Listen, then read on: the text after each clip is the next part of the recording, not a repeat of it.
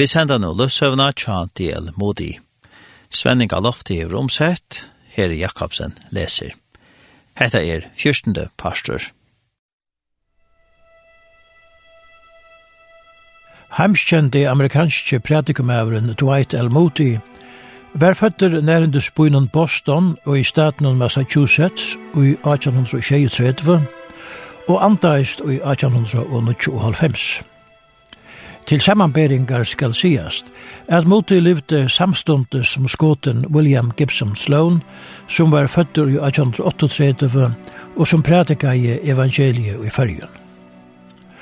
Havast Dwight L. Moody andaist einas 22 år gammal, hei han prædika fyrir mannfjöldun og i taltu meir enn 100 millioner, nekv meira enn nekar annar ta adøvan.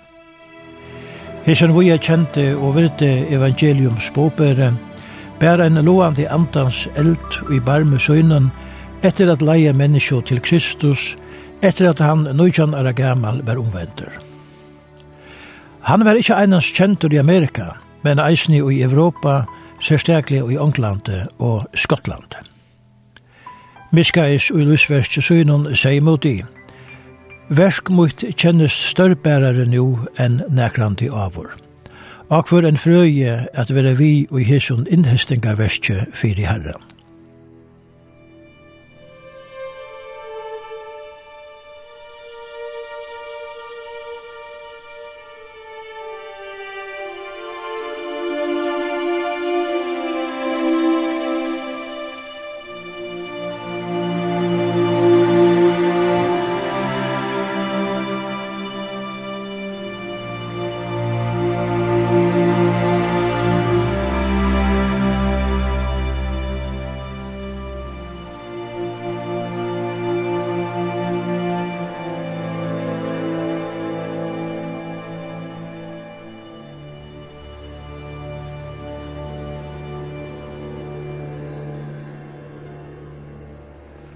Og i parsten under fremman undan var greit fra at og i 1871 kjente D.L. Modi en sérstak oppenbering fra gode og karlæka hans til søgn personlige. Og med det var det at ein eldebrander leie heilar bojarparster av Chicago i øye. Hetta sette djup spår i loiv og pratikunar tja D.L. Modi etter henda det. Delmodi sier at en dag men han var i New York, opplevde han eka som år ikkje kunne se fra. Han kunne einast sia at god oppenbera i seg fyrir honom, og at han kjente en fytling av kærleika hans herra. Fyrstande pastor, attor og i Anglandet. Antallet arbeid gikk sterk vel i Chicago medan han var bortestator, så mot i mette at de i Chicago kunde klara seg utan han. Tog gjør han av at færre atter til onklands at vitja, mest fyrir at få hjelp til at granska bøyblina saman vi øron. Hetta var i juni 1822. Han hei jo i veruleikanon ikkje atlander om at prætika og hessi ånglansferien. Men av en bønamøte kom en prædikumæver til hans herra, og be han tala og i samkommet herra sunnedegin etter. Mode Jottai. Møte henda sunnemorgenen var beie deadlit og kaldt. Alt kjendes så nyttelest. Men om kvölde var alt ombrøyt. Heila var andans nærvera kjentust og i samkomme høllene. Folk sautu pura kurr og lust av. Moti skilti ikkje sa brøyting, tog endan setna pasten hei han ikkje bie sérstegan ekv. Ta han var livet at tala, heitti han at hei som engst at vera frelst, om at reisa seg opp så han kunde bia fyrir teimen. De fleste i selen reiste seg opp. Modi helt at folk høttu misskilt av heitan hans herra. Han hei omgad i av og særslukt, og visste ikkje hva han skulle gjere. Han endurtog av heitanina, men malbær seg til ørvus og sier, Tid som vilja være frelst, vera byen om at fære inn i og rom. Øtt får inn i rom, som var stikkvande fullt av følsje. Begge moti og predikumæveren og i samkommen i undraust. Hverkjent herra hei vant til hetta. Dagen etter foran til Dublin. Men langt og tursdagen var han båsendur at komme attur til samkommena her han hei prædika sunnudagen, tog her var mange enn som Herren kattlai at leta seg frelsa. Han kom atur og hei fundar tutsjukvöld av er og mong kom til trygg av Kristus. Årsøkjen til hese antall jo vetsjeng kom settene fyrir en dag. Og i samkomne var det tver systrar som bo saman. Onnor terra la sjuk, men det og nått ber hon om vetsjeng i samkomne. Hon heilis jo møtene som mot i hei i Amerika, og for at bygge om at han skulle komme til onklands at tale i samkommehuset terra. Ta i systeren kom heim atter etter møte henta samme sonnemorgenen, sier hun, Hvor heldur du prætika jo i det? Systeren gitte flere ferer. Moti ur Amerika prætika jo i det, sier systeren. Så hever god hørst bøn møyna. Hei jeg vita til, så hei jeg haft bygge atlan fyrra parsten. Læt meg nå være ensamatla. atlan. Stångkorene. Jeg skal ongan døvra heva på kamar i det. Ongen skal komme inn av kamare, tog jeg fyrir bygge atlan det. Ta imot i eina fyrir grette fra brøytingene, og i hente fra kalta møten om fyrra parsten, til andans fytling av møten om kvalte, var predikamævren Dr. Tarri Kjøstatter. Settene virka og tarpa i saman. Ta seg Tarri, onkur må heva bie. i det er det ikkje, til just til tuttninga mikla stå hesson. Modig rette syene fra kvinnerne og i la av sjukraleve og bærfyrjønnen. Henda hendingen var ein av årsøkene til Jeg måtte kom attur til Onklands og er i etter.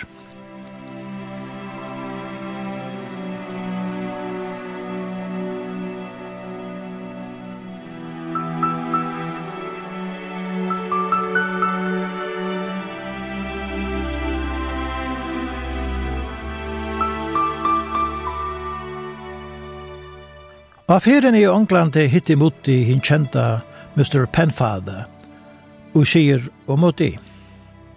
Jeg minnes så tydelig at det satt og hukte opp og hette elskelige anlete og jeg lustig av himmelskål ljøse. Jeg minnes ikke av tog, som han sier, men kring han anda i alt av heilaleika. Hette hei et størst år unna meg, og ikkje fer jeg gløyma så langt i liv. Øll som kombinant av hisen manne kunne merke at han lever nær gode. Hetta var bei fyrst og seinaste fer tar bæir hittest. Penfada var samførður om at god hei etter versk at utinna i London tjøknan moti. Han skriva et til moti om etta etter at han var kommet heimatur til Amerika. Modi fekk innbjøring fra tveimann månden som søtto at her skulle gjalta fyrre utdrøselner tjå honom og hans er samverskamånden og man kom atter til Ånglands. Måte tok feien av sin tilbøy.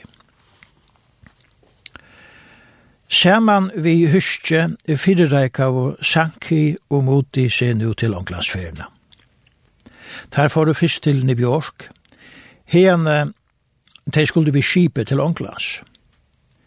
At i affæra peningren skulle komme ur London, lante han peningen som han høy oppi Aser til en vimman. Men peningeren til ferina kom aldri fram. Og i seinaste løte måtte han til færa til vindmannen og be han djeva seg peningen atter. Ta imot de kom til London, fikk han vita hvor peningeren ikke var framkommen. Atler trutjer som høtte djeva lyfti om pening var deir. Ta seg mot i vi sanki. Jeg halte at god hever stongt horanar i Angland. Vi skulle ikkje leta nekra hor opp sjølver. Letur god horen opp, færa vi inn. Annars færa vi attor til Amerika.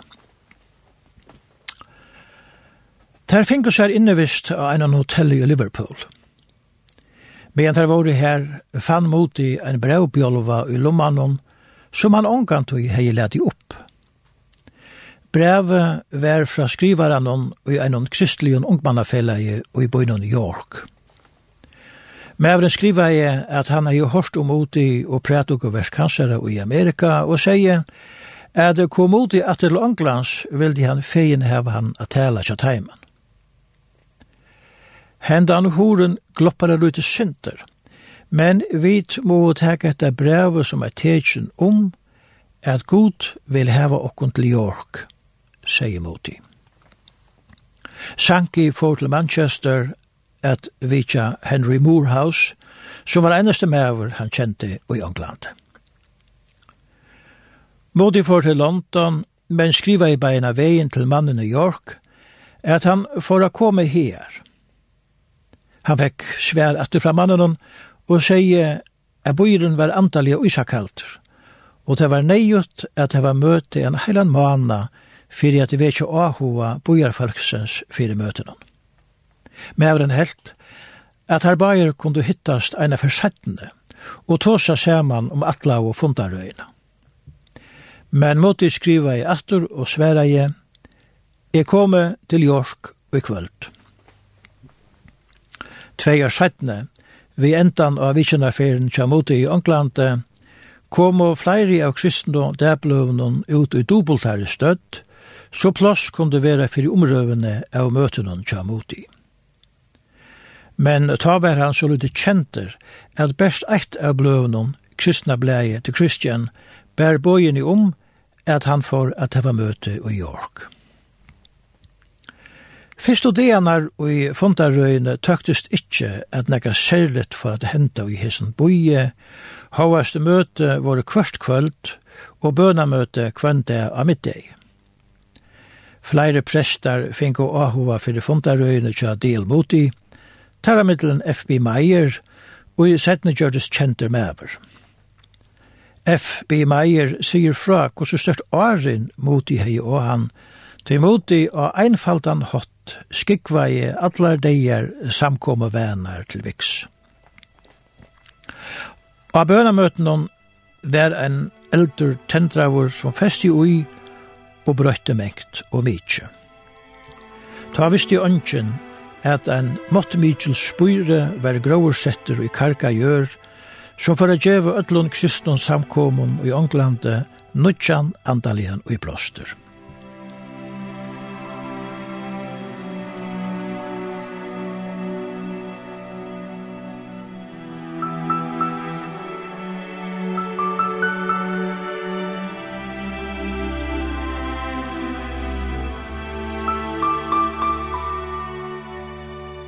tøyende ble The Christian bær noen jævnan tøyende fra møtene i York. Kvöld etter kvöld vaks mannfjölden, vi kom av møte, og mong kom til trygg av Jesus. Mot i prædingar evangeliet og sanki synker evangeliet, skriva i blei. Jeg tog at mot i ofta sibai til bøyplina, elde hetta til at folk får at hava biblina visser av møte. Biblian var skjelt som heitt brei, så trobult var at nøkta etterspårningen av biblien. Etter at heva haft møte i Jorsk i fem viker, får moti og sanki til byen Sunderland. Kristelige fellesskaperen for ungar menn, Iva i slunche at djeva taiman innbjøving, Hovast her var i ahuair i verskjunum. Tar bare øtta fyrir omdømen og tja fellesskapen. Men ta i tar asan av, at heila i antigods eikjente mot i harmavus tar etbor så inn mot i honom. Så gjerne Jack leien til Newcastle. Her flere samkommehøle stod åpen for imot i, men ekver prester ville framvis ikke heva vi en agera, da der hørte at han ikke var prestevøkter. Men han vilde korsne til henda bojen, fyrir at beina fyrir til ovilja som mange høyde imot i hans særstaka præt og hotte.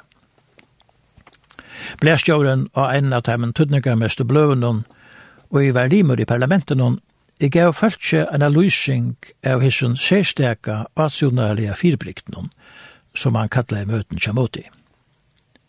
Grein hansara vakte Miklan Ans om alt landet og i einare frasøkn fra møten hon var sagt. Moti talar og en ovanligan hot, Først einaste år han sier, hever som enda mal at noa et avgjørande uslitt. Om hetta ikkje hender, meter han at arbeid hans er et lunches.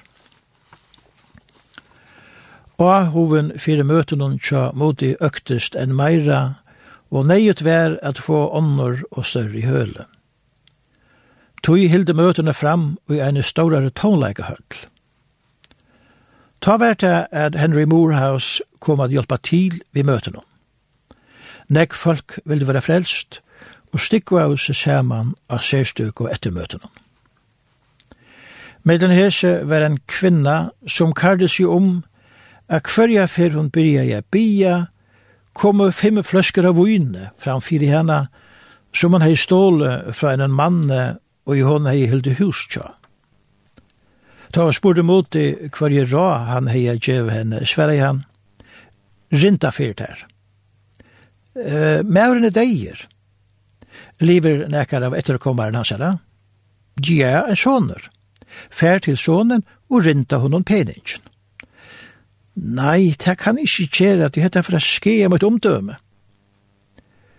Kveldig etter var han atter her og spurte om om det ikke var noe mye å gjøre peningen til Guds rujtjus arbeid. Nei, Gud vil ikke hava stålnan pening. Einaste utvøver og utvøver er å gjøre ratta eieranon peningen, sier Moti. Flere dager bartest henda kvinnan vi stoltlega søyn. Men til endan får hun til sonen, tjamannen hun hei hildes i hustjana. Hon gjotta i miskjur søyna og rinta i honom peningen atter. Ta kjendi hon atter frien vi god og menneskje.